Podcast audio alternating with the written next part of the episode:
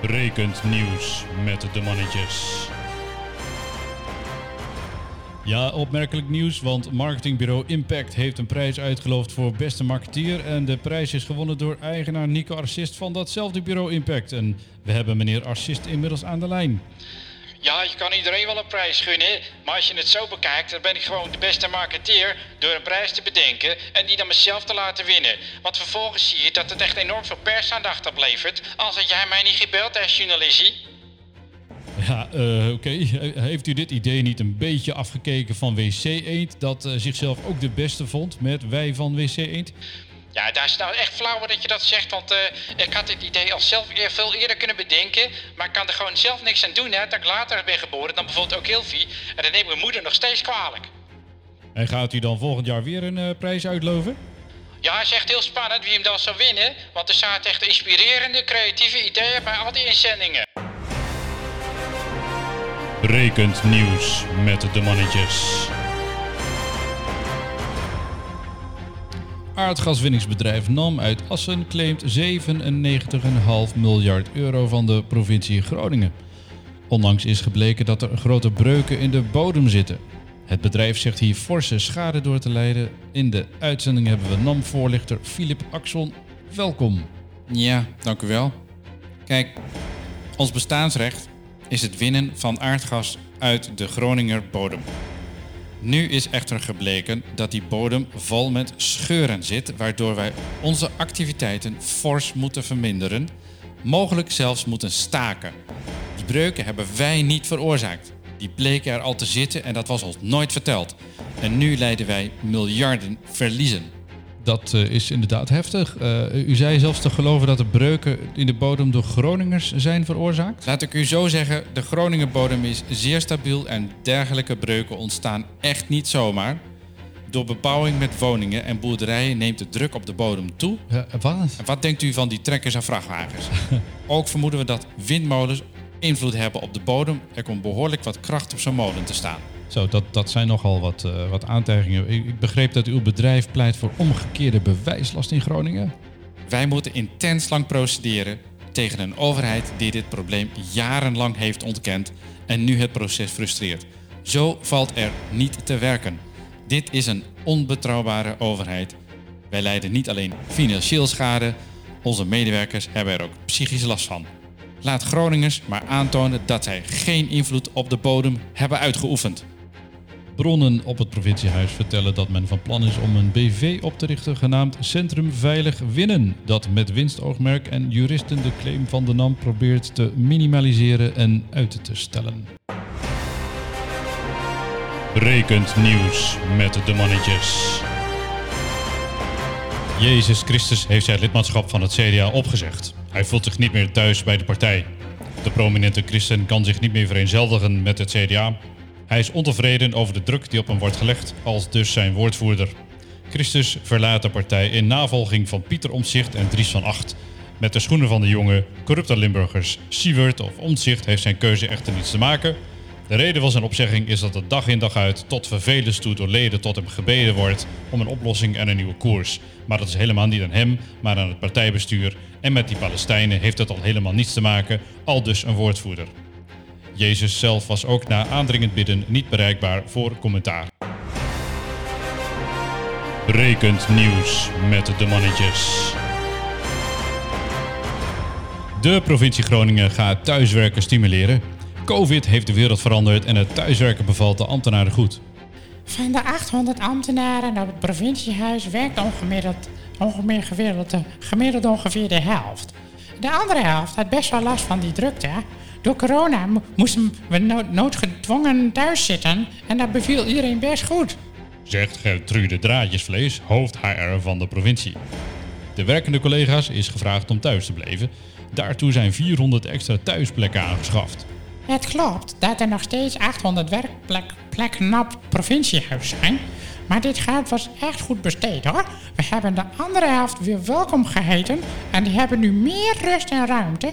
Precies dat waar onze provincie bekend om staat. Brekend nieuws met de mannetjes.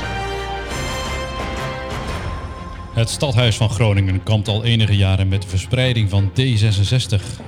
Dit virus, vernoemd naar Den Haag en het jaartal waarin het voor het eerst werd ontdekt, is inmiddels wijd verspreid onder Nederlanders. De meest voorkomende symptomen zijn overdreven politiek correctheid en een vrij hautaine aversie tegen directe inspraak van ordinaire burgers, een grote mutatie ten opzichte van de oorspronkelijke milde variant. Vooral de D66PC-mutatie is bijzonder hardnekkig. Zegt viroloog Martin Beijering. Deze politiek correcte variant komt bovenmatig voor bij witte blonde vrouwen met een bepaalde maatschappelijke positie wat zij zelf nieuw leiderschap noemen. De mutatie ontstond in Amsterdam en is ook in Haarden zoals Groningen, Den Haag en Nijmegen de boventoon gaan voeren.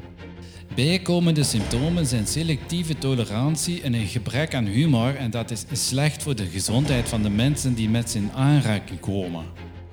Volgens Louis Pastoor van het RIVM zijn er ook andere zorgwekkende mutaties, zoals de D66FS-variant.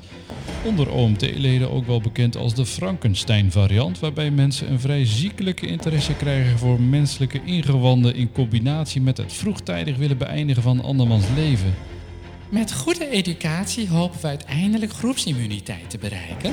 Ons advies is tot die tijd minimaal anderhalve meter afstand te bewaren en bovenal niet met ze in gesprek te gaan.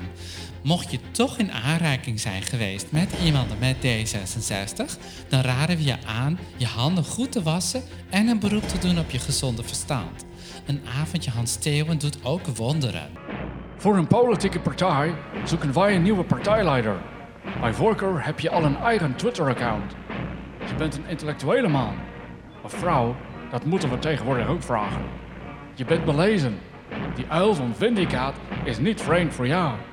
Je gelooft niet in de mainstream media. Nee, jij maakt je eigen waarheid. Je gelooft wel in complotten. Tegen jou en tegen dit prachtige land. Dat meerdere ijstijden overleefde. En oh, die geweldige inwoners. Die mammoeten vloerden. Wij zijn de grootste beschaving die ooit heeft bestaan. En jij? Jij bent de beste. Kijk in je spiegel naar je prachtige gelaat, je mooie kaaklijn en zeg: Ik aanbid mijzelf. Ik word aanbeden. Ik ben de beste. Ik ben de partij. De macht, die ligt bij mij.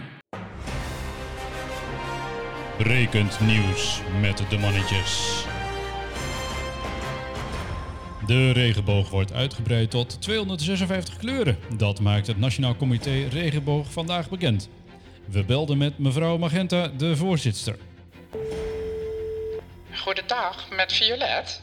Dag mevrouw Magenta, gefeliciteerd met de uitbreiding van de regenboog. Eh, Ja, dank u wel. Echt heel fijn nieuws, hè? Dus eh, 256 kleuren. Ja, dat, de oude regenboog dat kon echt niet meer. Die, die kent maar zeven kleuren. Rood, oranje, geel, groen, blauw, donkerblauwachtig en violet. En, en dat eh, terwijl het leven toch veel kleurrijker kan zijn. Ja, precies. En eh, we, we begrepen dat het nieuwe palet RGB is genoemd. Eh, ja, jazeker, RGB als afkorting van regenboog. Eh, eh, we wilden liefhebbers van bijvoorbeeld pastelkleuren, jaloeziegroen, magenta, cyaan, zwart, wit en alle tinten grijs ook tegemoet komen. Internationaal gaan ze stemmen op om de regenboog uit te breiden tot 16.777.216 kleuren. Maar we begrijpen dat Nederland niet achter dit voorstel staat. Wat een gezeur wat een raar arbitrair getal. Het is voor sommigen ook echt nooit, nooit, nooit genoeg, hè? Nee, daar heeft u zeker een punt. Maar wel omarmt Nederland het voorstel dat regenbogen ook zonder zon of regen en zelfs s'nachts zijn toegestaan. Brekend nieuws met de mannetjes. De JOVD breekt met de te communistische VVD. Na de breuk tussen de SP en jongerenorganisatie Rood is ook de breuk tussen de JOVD en de VVD definitief. De liberale jongerenorganisatie heeft ingestemd met het voorstel om zich definitief af te scheiden vanwege een onoverbrugbaar meningsverschil over de communistische koers van de VVD. De ruzie tussen de jongerenorganisatie en de VVD loopt al geruime tijd op. Sinds de VVD aan de macht is, is de belastingdruk alleen maar toegenomen en is de nivellering in Nederland veel erger dan in de tijd van de CCCP. Al dus Ellen Groenspaan van de JVD. Die regeerakkoorden lijken wel vijf jaar in plannen en de partij wordt geleid alsof het Kremlin er niets bij is. Woordvoerder van de VVD Karel Marx zegt dat de partijleiding genoeg heeft van de liberale praatjes van de JVD en verwijt de jongeren zonder kapitalisme te bedrijven. Opgeruimd staat netjes. Wij nodigen jongerenorganisatie Rood binnenkort uit voor een kennismakingsgesprek. Brekend nieuws met de mannetjes. In de Eemshaven is een kilo broccoli onderschept. De groente zat verstopt in een container ecstasy. In de uitzending hebben we Walter Wit, woordvoerder van de politie. Eh, meneer eh, Wit, gefeliciteerd met uw vondst. Ja, dank u wel. De illegale groentehandel tast onze reputatie als exportland van kwalitatieve ecstasy aan. Eh, Oké, maar is broccoli dan zo gevaarlijk? Meneer, groente is gevaarlijk. Het begint misschien met relatief onschuldige boontjes, maar binnen no time stappen mensen op op spruitjes of nog erger, broccoli. Over de straatwaarde van de aangetroffen groente wil de politie niets kwijt. De broccoli wordt vernietigd. Brekend nieuws met de mannetjes. De gemeente Groningen zal bij de verkiezingen een proef doen om meer mensen naar de stembus te krijgen. Samen met McDonald's ontvouwt men een plan waarbij stemgerechtigden een gratis bon ter waarde van één Big Mac menu krijgen op voorwaarde dat mensen naar de stembus gaan. De burgemeester is enthousiast over het voorstel. Democratie is belangrijk en als mensen een extra positieve prikkel kunnen krijgen om te gaan stemmen, wie kan daar nu op tegen zijn? McDonald's wordt met deze deal de huisketeraar in het gemoderniseerde stadhuis. Veel ambtenaren, die niet met naam en toenaam durven te reageren, lijken opgelucht te zijn dat het verplichte vegetarisch lunchen eindelijk van tafel lijkt te gaan. De fracties in de gemeente zijn echter nog niet allemaal overtuigd. Ze zetten vraagtekens bij de plannen. GroenLinks vindt het een charmant plan, maar wil wel als voorwaarde stellen dat er alleen vegetarische en biologische maaltijden worden verstrekt in duurzame, hernieuwbare, slaafvrije verpakkingen. Wellicht kan McDonald's GroenLinks-stemmers een extra grote portie friet geven. In friet zit immers geen vlees, dus is het vegetarisch. De SP toont zich een groot voorstander van het plan. Voorzitter, wij vinden het goed dat het grootkapitaal zich eindelijk eens inzet voor de uitgebuite minima en zo meer SP-stemmers naar de stembussen krijgt. Wel vinden we het jammer dat McDonald's geen frikandellen in het assortiment heeft. De partij bereidt hiertoe een motie voor en hoopt op brede steun. De VVD vindt het in de basis een goed idee. Kapitalisme en democratie gaan hand in hand en zorgen voor welvaart. We stellen wel een nuance voor. eh, of je krijgt een gratis bon voor de McDonald's, of je krijgt een stembiljet. Eh, voorzitter, wilt u GroenLinks vragen voortaan het woord friet alstublieft te vermijden? Wij spreken hier in Groningen liever van patat. Eh, voorts zullen wij de motie van de SP steunen als er ook bitterballen komen. D66 is falikant tegen. Voorzitter, het volk kiest ambtsdragers en draagt de verantwoordelijkheid daaraan over.